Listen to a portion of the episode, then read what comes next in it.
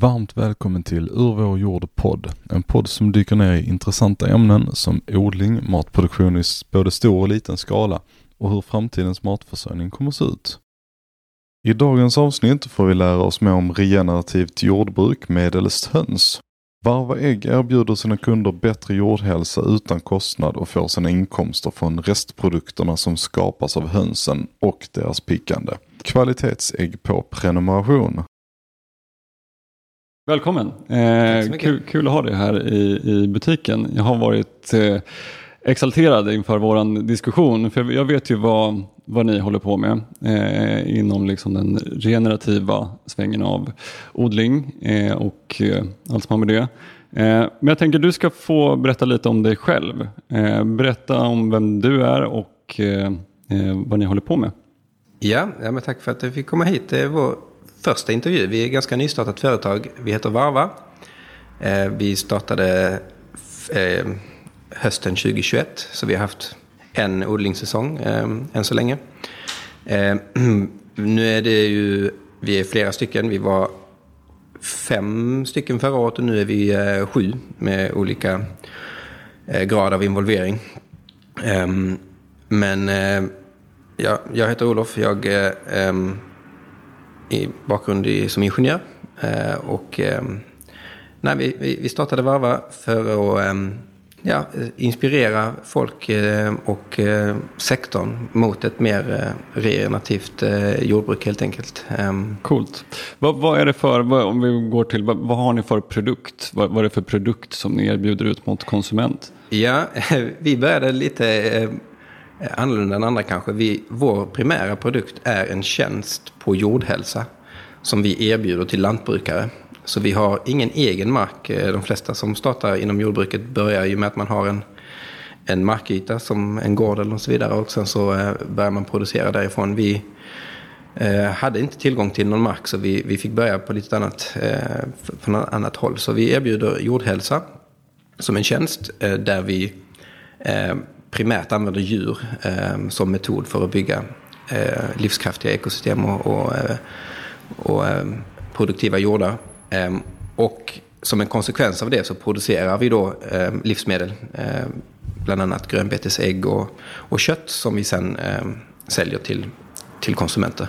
Så vi har mm. två produkter kan vi säga. Vad coolt. Det är unikt. Right.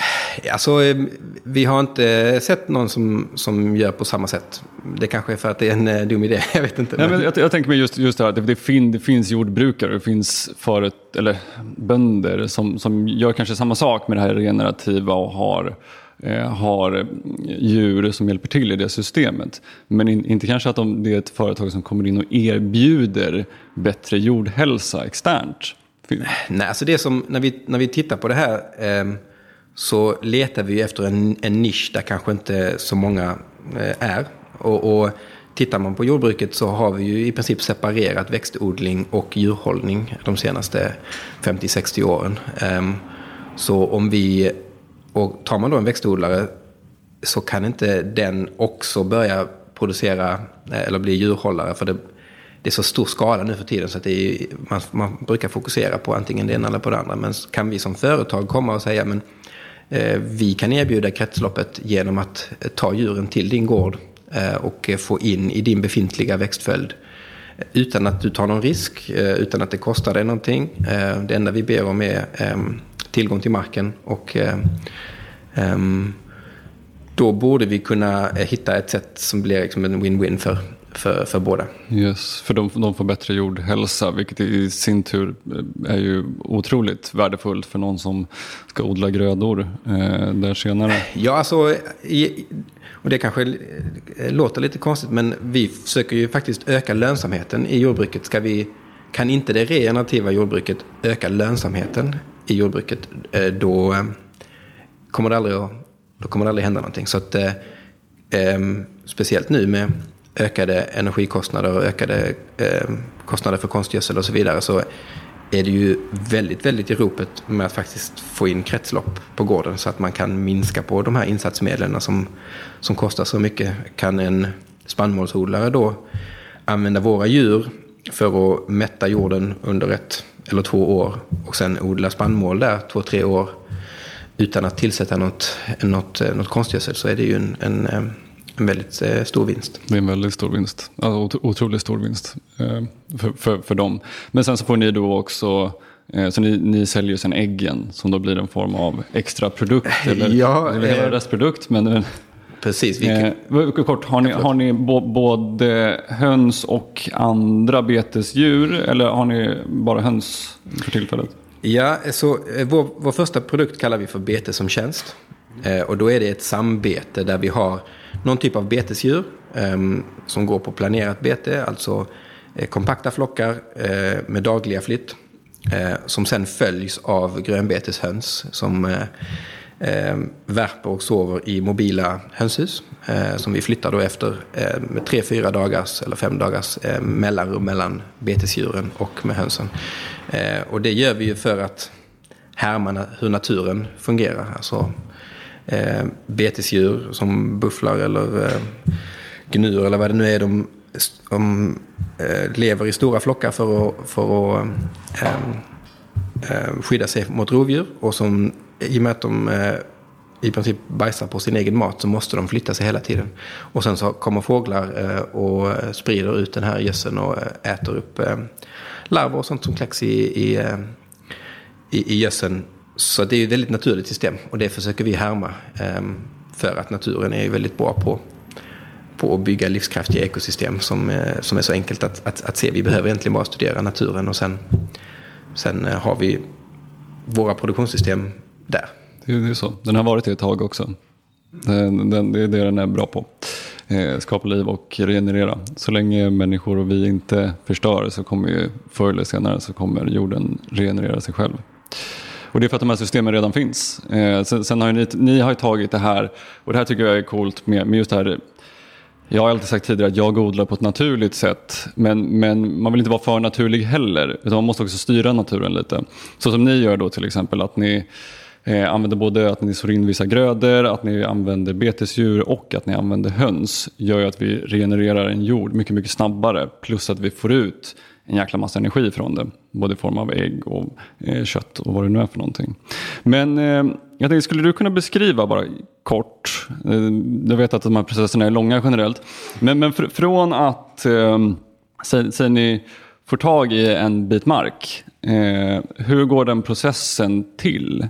Eh, från start till mål, prata, vi, finns det ett tidsspann i det eller fortlöper det för, för alltid? Liksom? Alltså nu har vi inte jättemånga eh, exempel här, men eh, i fjol så kom vi i kontakt med en växtodlare eh, som odlar spannmål och andra grödor på eh, åttaårig, eh, spann, eller åttaårig växtföljd.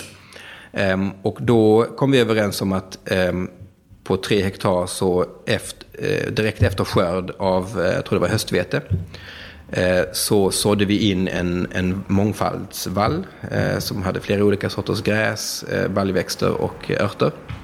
Som sen fick växa till sig under hösten och våren och sen så började vi då beta det på i, i april, maj någon gång. Um, och då hade vi får uh, i fjol som vi lånade från en, en närliggande gård, um, Sigvard Månsgård. Um, och sen hade vi våra egna, egna höns då. Eh, och sen så betade vi den marken eh, på planerat bete under hela säsongen. Eh, och nu så eh, nu tror jag den kunden kommer att låta den vallen ligga kvar ett år till och sen så kommer han så in eh, eh förrän så på hösten. Eh, så i höst så kommer eh, nästa höst så kommer han så in nästa gröda. Eh, nu har vi en, en ny kund i, i, Klippan som är djurhållare. Eh, för vi insåg det att vi måste skapa ännu närmare samarbete med betesdjuren. Eh, om man har kor till exempel så så är det väldigt långa cykler. Vi kan inte investera i, i kor just nu utan vi, eh, hönsen har lite kortare cykel så det kan vi investera i. Men så eh, skapar vi ett, ett partnerskap, ett nära samarbete med en djurhållare. Så i år kommer vi vara i, i Klippan och eh, då är det vår kund som, som äger korna eh, och så har vi dem på, på planerat bete som, som tidigare och så följer våra höns eh, Sen är då tanken att vi tillsammans med den här kunden då ska kunna växa både, både våra våra, vår besättning av höns och hans eh, besättning av kor och sen expandera ut till närliggande gårdar. Coolt. Det låter som att ni, ni håller på att sätta upp ett jäkligt bra system. Uh, jag, jag, jag, tror starkt på det här. Eh, verkligen hela det att man kan integrera flera olika typer av produkter och olika djur och att man hjälper varandra. Eh, här, jag vet, vet, ju vem den lammproducenten är också sedan tidigare. Och det blir ju ett, ett, ett, ekosystem i ekosystemet bland producenterna också. Eh, där man hjälper varandra. Eh, och det tycker jag också är jäkligt coolt. Jag tror att det här liksom kollektiva med att jobba med varandra. Eh, Eh, men det är många som kan dra nytta och vinning av det. Så ser inte lantbruk ut idag generellt. Liksom. Eh, utan det är, det är ganska var, var, för sig alternativt att det är en stor lantbrukare som har allting. Liksom. Eh, och sen så är det folk som jobbar hos, hos den. Ja, det har, det har blivit så. Fråga angående olika certifieringar och sånt. Har ni någon certifiering på era produkter idag? Eller hur ställer ni er till, till certifiering? Vi har ingen certifiering i, eh, i, idag. Eller vi, har ju, eh, vi stämplar ju våra ägg så vi har ju ett certifierat eh, äggpackeri och så vidare. Eh, men vi är inte certifierade ekologiska eller något sånt där. I, Förra året så var vi ju hos en kund som var en konventionell odlare. Den kunden var ju väldigt mån om sin jordhälsa.